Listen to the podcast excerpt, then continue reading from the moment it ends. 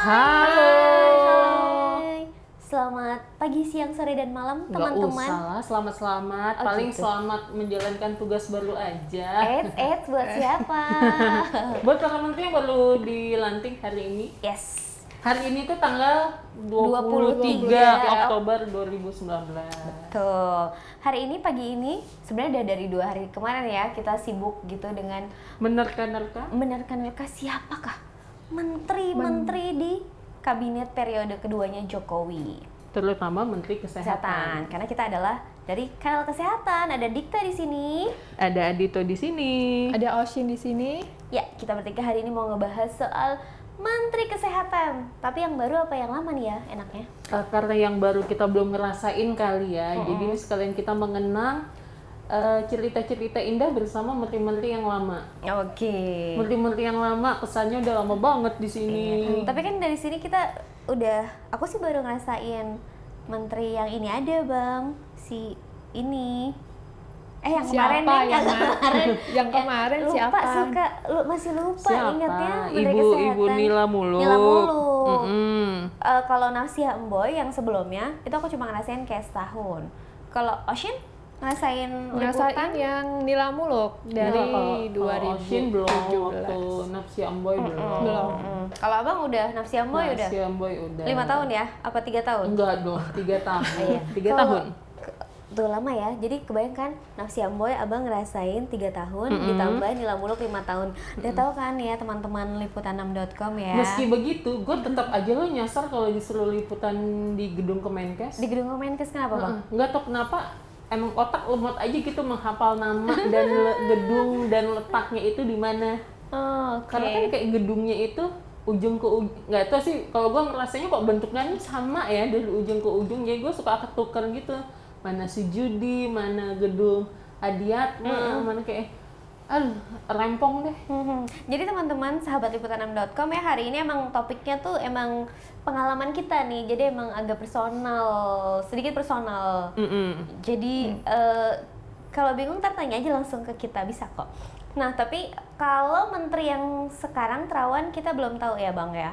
Eh, kita belum tahu dia sebagai menteri bakal seperti apa Betul. tapi kan selama ini kita hanya tahu bahwa dokter Terawan adalah dokter Ahli cuci otak. Dari RSP AD Gatot Subroto. Suboto.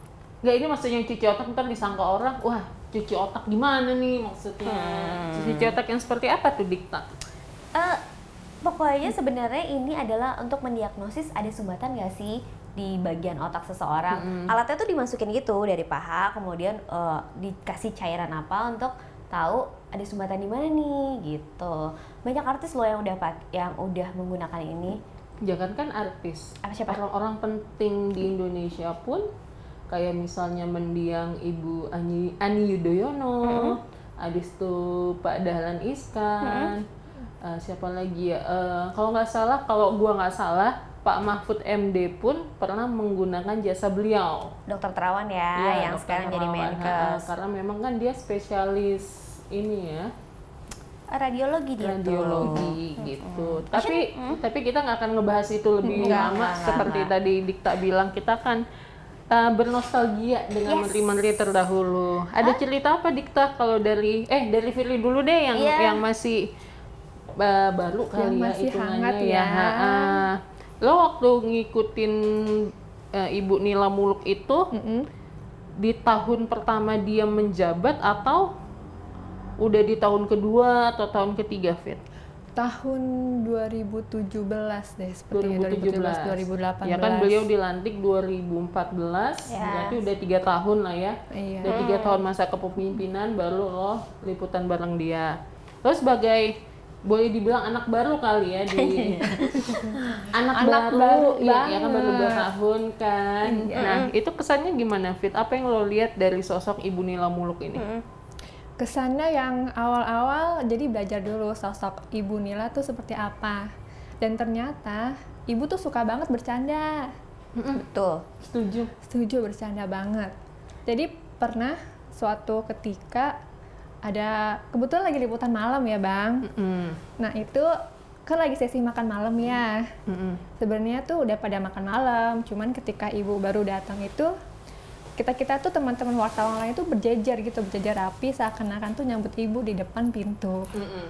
nah pas ngeliat aku kan kita salaman satu persatu pas ngeliat aku eh, salaman beliau nanya udah makan belum Mm-mm. Karena mungkin dia kayak ya. orang ya Fitri kalau kalian tidak tahu Fitri itu sosok seperti apa dia tinggi udah tinggi badannya kurus seperti Nah, Bibi jadi iya. ya wajar kalau misalnya Bu Nila tiba-tiba ngomong kamu udah makan belum gitu Iya banget. Kebetulan tinggi aku 170. Berat? Berat badan 42. Baik. Nah, jadi di antara teman-teman ya. jurnalis kesehatan lain, jadi kelihatan banget kan kurus dan tinggi kurang tinggi. kutilang kurus tinggi langsing ya Iya. Hmm, lalu dan lalu? ibu menyuruh makan. Kamu makan yang banyak ya. Hmm. Oke. Kayak kurang gizi entar. Nah, nggak, gue gue motong dikit. Gue gue setuju sama Firly. Ibu ini tipikal orang yang eh, dia itu kayak fokus ke badannya wartawan-wartawan. Ya. Iya, ya karena karena dia kan di di programnya Kemenkes kan ada yang namanya isi piringku, germas segala macam. Dia kayaknya ingin memantau apakah wartawan-wartawan saya ini rajin juga mengikuti program-program Iya, yang ada atau enggak. Jadi karena kayak misalnya di gue pun ibu tuh selalu ngomong kayak gitu. Misalnya waktu gue ke eh, ke Makassar, oh, waktu waktu gue ke Makassar, ibu tuh juga ngomong, kamu kok gendutan? Oh. Care banget ya. Ibu tuh Iya. iya. kamu kok gendutan, nggak germas ya, gitu. Makanya apa sih, ya, gerakan masyarakat. Sehat. Eh, gerakan sehat masyarakat. Eh, iya nih bu, lagi nggak olahraga segala macam. Olahraga dong. Nah, waktu gue ke Bali terakhir kemarin di 2018 di November, ibu tuh tiba-tiba ngomong bagus kurusan. Oh, no. Padahal nggak, padahal eh, gue sendiri nggak ngomong apa-apa, cuma ibu tuh kayak yang aware. Kurusan kamu? Tapi bener nggak bang, abang Bener. memang kurusan atau iya, jadi pada, pada olahraga? saat itu memang kurusan dan gue lagi olahraga. Dan ibu tuh kayak aware, ah iya nih nih bu lagi olahraga, ya pertahankan ya. Ibu tuh kayaknya aware soal-soal seperti itu ya, bukan bukannya maksud apa kok kata anak sekarang kalau ngomongin berat badan Body shaming ah, apa? body shaming segala macam. Mungkin orang akan mengiranya kayak, ih kok menteri body shaming sih? Kok gue malah nangkepnya ibu tuh aware sama kita. Ah, iya. Eh, gue jadi ingat bang cerita salah satu teman kita lagi liputan, kan biasa doorstop gitu, kita mengelilingi ibu. Terus salah satu teman lingkar perutnya gede, diomongin dong habis Siapa itu? Adalah kita semua tahu ya di sini ya. Jadi dia emang badannya besar, nggak terlalu tinggi, laki-laki. Terus habis itu, Oh, yang baru pindah. eh, eh, pindah media. Terus habis itu, kamu nih perutnya gendut banget, ke- kecil dong gitu. Iya. Karena emang terus habis itu dia ngerasa kesindir udah ngerokok habis itu eh, perutnya gede gitu kan kalau lingkar pinggang Iya. lebih dari 90 cm buat cowok resiko penyakit tuh banyak banget Iya, kan lagi ditambah dia perokok. iya terus habis itu udah dong jadi dia ngerasa gak enak gitu oh iya iya iya Tapi kayak tapi lo sadar nggak eh, sekarang si orang tersebut itu mengalami banyak perubahan Betul. dalam gaya hidup. Dia ngerokok juga pelan-pelan dikurangi. udah enggak sekarang malah Udah enggak malah. Karena terakhir tuh gue masih ngerokok, eh dianya masih ngerokok. Tapi dia udah mulai yang olahraga, pola makan juga diatur. ya. Emang emang ibu tuh se-aware itu sama Iya. wartawan-wartawannya. Hmm, hal itu mungkin yang banyak orang nggak Iya. tahu ya nggak nggak cuman itu sih dalam hal kayak misalnya lagi liputan nih misalnya liputan keluar kota kayak waktu gue di Makassar eh, ibu lagi ngobrol nih sama gubernur eh, eh bupati atau wali kota atau siapa gitu di Makassar waktu itu ngobrol di ruang tertutup gitu ibu tahu nih kita butuh butuh Iya, gambarnya dia ngomongin apa segala macam Eh, yang orang-orang apa kayak ajudannya tuh melarang kita untuk udah tunggu di luar aja. Kalau ibu enggak ibu tuh justru sini sini sini masuk sini duduk duduk. Eh, waktu itu ada gue cuman ada gue gue disuruh duduk di samping dia gue disuruh ngabisin makanan di depan yang kue manis khas Makassar sambil mendengar apa yang dia omongin. Eh, enak banget. Ini nih eh, ini yang mau saya omongin sama bapak ini bapak Hmm. ini jadi dia kayak ngomongin soal penyakit jantung di Makassar penyakit diabetes. Karena orang Makassar itu selain hobi makan nasi Hmm. eh, koreksi kalau gue salah selain hobi makan nasi karena di rumahnya katanya ada ada gudang yang khusus untuk menyimpan beras Waduh. Heeh. jadi selain menyimpan harta karun, dia juga menyimpan beras bersasak-sasak. Jadi bagi mereka adalah eh, beras itu harta yang paling berharga lah, Hmm. karena mereka harus makan nasi. Dan di sana juga ada kue yang super manis. Jadi kayak kata ibu, risiko diabetes dan jantung tuh paling banyak di sana. Jadi pas disajikan makanan manis itu kayak ibu udah kasih ke, udah kamu abisin. Saya udah tua. Yang ya, ibu tuh yang kayak gitu-gitu orangnya. Hmm. Tapi ngabisin kuenya itu bang. Enggak lah, manis banget. Iya, abang berat badannya naik lagi. Oh iya, iya. sementara ibu kan abis ngomong, kamu kok badannya gemuk kan tiba-tiba gue disuruh ngabisin itu kan kayak ibu nggak salah gitu. Terus satu lagi menurut gue ya, menurut gue kerennya Nila, Bu Nila Muluk adalah dia umurnya kan 70 tahun sekarang berarti saat menjabat 65 tahun. Fisiknya keren banget loh. Iya. Padahal jadwalnya padat banget. Kalau kita ngikutin kan kayak pagi ketemu malam Asli. gitu. Banget. Eh, Bu Nila sama Ibu Napsia Emboy itu punya fisik yang oke banget. Kalau gue nyebutnya Bu Napsia Emboy ini preman, preman dalam arti tanda kutip dia itu lantang bersuara kalau ibu Menkes eh, Nila Muluk lebih kepada ibu-ibu komplek yang ngayomi gitu loh. Hmm. Nah, ini ini ini Dek, lebih kalau lembut kita. ya, Dek. Nah, kalau Bu Nafsia tuh lebih lantang, tapi dari segi fisik, dari segi kerja, ini dua wanita gila sih gue Iya. sebutnya. Karena memang kayak Bu eh, Boy sendiri, kita baru berhenti di satu titik, Bu Boy itu udah di ujung, Hmm. Oh. udah di ujung, di eh, nyebrang laut nggak masalah, naik apa pun nggak masalah tuh yang kayak Bu Boy sih yang gue inget tuh seperti itu sih dan dia emang bisa ngebawa diri juga di kapal tiba-tiba eh, dia yang menggantikan nakoda Mm-mm. Nah, udah saya aja yang nyetir Emang dia bisa? Nah itu dia, tapi tapi di, didampingi gitu kan. Gara-garanya apa? Gara-gara waktu itu gue inget banget eh, kejadian itu di Batam yang dibawa wartawan nasional cuman dari liputan6.com gue dan anak Metro TV. Hmm. Nah pada saat itu gue lagi ngetik anak Metro TV lagi mindahin gambar. Kan itu kondisinya goyang-goyang kan karena memang sinyal provider gue ketika di tengah laut dapet Iya. ketika di pinggir tuh nggak dapet malah jadi jadi gue jadikan kesempatan buat ngetik beritanya. Bobo itu sampai ngomong biar mereka nggak ejul-ejulkan gitu. Jadi biar dia bilang biar eh, saya saya bawanya pelan biar mereka ngetiknya enak sama mudah nggak boleh. Kan kayak Iya. Ah asli lo Bu Napsia tuh sampai segitunya. Iya benar. kalau lo pernah jalan sama Bu Napsia Dikna? Lu tunggu gue lupa. Cuma yang gue inget dia suka banget nari. Hmm. kalau nggak salah dia suka banget nari. Di umur sama ya dua dua wanita ini eh, saat menduduki jabatan sebagai Menkes tuh emang nggak muda lagi ya. Tapi mereka emang ini sih giat banget sih.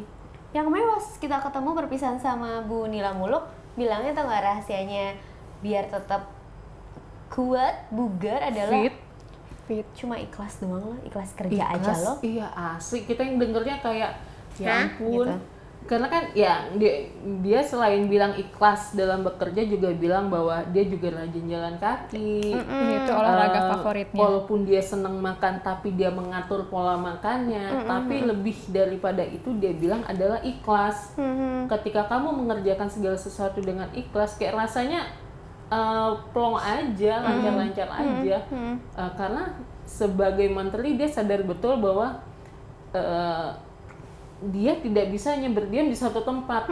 Apalagi pada masa jabatannya dia, ya ada aja kejadian alam yang mengharuskan dia ke sana kemari ke sana kemari. Kalau kalau fisik nggak kuat dan kerja nggak ikhlas, gue rasa itu nggak akan bisa sih. Benar. Nah, dan dia ikhlas mengerjakannya. Jadi yang kayak kita kita yang mendengarnya sih tertampar. gue yang apalagi yang gue yang duduk di depannya kayak yang iya ya kadang kita kerja aja masih ya ampun eh, ngedumel, aduh kerjaan banyak banget segala Iya, iya. macam. Kalau dia udah ya, kalau ikhlas aja ya pasti Iya. ada pasti ya lebih lancar gitu katanya dia. Coba gue seneng deh kemarin lihat mukanya Bu Nila mulu. Iya, putih, bersih, awet muda lah ya. Tapi dia adalah wudhu. Wudhu. Wudhu. Karena setuju sih sama filosofinya dia. Kenapa wudhu? Kayaknya terkesan klise. Ah, klise perawatan juga kali. Ya, Bu Bu Napsi eh Bu Nila. Mengaku eh Bu Nila Muluk mengakui bahwa iya dia memang perawatan juga. Tapi bukan tipe yang rajin tiap bulan atau dua bulan sekali enggak. Karena ya dia menyadari kegiatan dia yang jarang ada di tempat kan. Tapi dia eh, filosofi yang dia bilang wudhu itu benar banget. Karena ketika wudhu lo kumur-kumur. Secara nggak langsung kuman-kuman di mulut lo ikut terbuang ketika lo ngebuang air wudhu itu. Karena kalau gigi lo bersih karena kan gigi ini deket sama muka ya. Ketika gigi lo Iya. nggak bersih kuman-kumannya bisa aja masuk ke rongga-rongga di wajah lo segala macem. Dan dia juga dari dari yang namanya basuh wajah pun itu sama aja kayak membersihkan wajah kita yang seharian eh, beraktivitas segala macam jadi memang setiap gerakan dalam berwudu itu dimaknai betul sama beliau. Jadi ya wajar kalau dia bilang rahasia awet muda saya wudhu Waduh. Iya, percaya sih gue. Tapi apalagi apalagi yang menarik dari Bu Nila Mulok? Kalau lo apa Fit? Kayaknya kayaknya dari kita bertiga di zamannya Bu Nila Fitri yang paling Lebih sering ya lebih kunjungan sering. daerah gitu. Iya. Kunjungan ke daerah sih ibu termasuk yang welcome ya. Jadi pas kita ke Gorontalo terus mengunjungi satu posyandu ya, itu kan banyak anak-anak balita ya kebetulan di sana. Dan ibu tuh nggak nggak sungkan-sungkan buat menggendong Hmm, nggak ada jarak gitu ya. anak-anak balitanya itu. Jadi mereka-mereka balitanya itu pada senang-senang gitu, senang difoto sama ibu juga. Terus nggak segan-segan juga buat mencicipi makanan daerah sana ya. Iya, heeh. Ya karena emang dia suka Karena banget makan sehat. sih. Iya, heeh. apalagi yang inovasi gitu. Gue pernah eh, ngeliat waktu dia eh, makan puding daun kelor di Bali. Oh, puding daun kelor. Heeh, kayak gitu sih. Tapi banyak sih, banyak banget ya cerita-cerita Ah, soal Pokoknya kalau kita ngomongin Ibu Nila sama Ibu Napsia tuh nggak cukup sih hanya satu podcast ini sih. Iya, betul.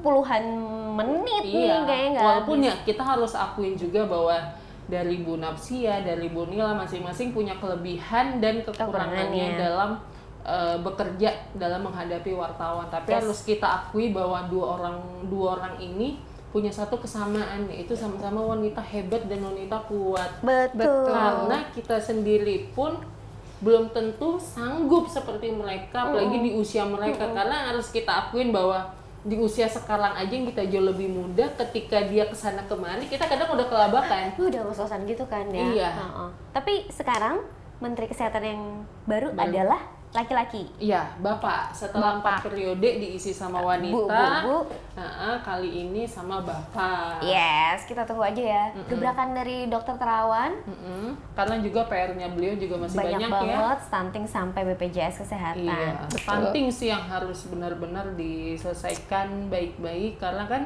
eh, dari stunting ini perkembangan anak ke depannya kan Iya, Indonesia demi Indonesia emas Demi Indonesia maju. biar 2035 Kita dapat bonus demografi. demografi. Udah sih, kayak segitu aja ya dulu Iya, ya. Banyak banget soalnya bahasannya. Kita ntar ngebahas lagi soal Dokter Terawan dari kacamata wartawan. Mm-mm, nanti kali Nanti. ya setelah ti- 100 hari pertama kali. Nggak ada Walau 100 hari katanya. itu kan bagi Pak Jokowi karena kan Pak Jokowi melanjutkan tapi kan kalau Pak Terawan menggantikan Yes, ntar Gitu. kita kita Kita kulik-kulik melihat lagi. Gebrakan dokter terawan seperti apa ya, jangka pendek, menengah, panjang, program-programnya apa. atau makan soto sambil ngegebrak meja oh Oh, ada enggak. lagi mereknya. Gitu dah, dah. Kayaknya udah ya, Iya. cukup ya. Terima kasih teman-teman sahabat liputan.com. Sampai jumpa. Dikta pamit. Adito pamit Oshin pamit. dadah. Dah.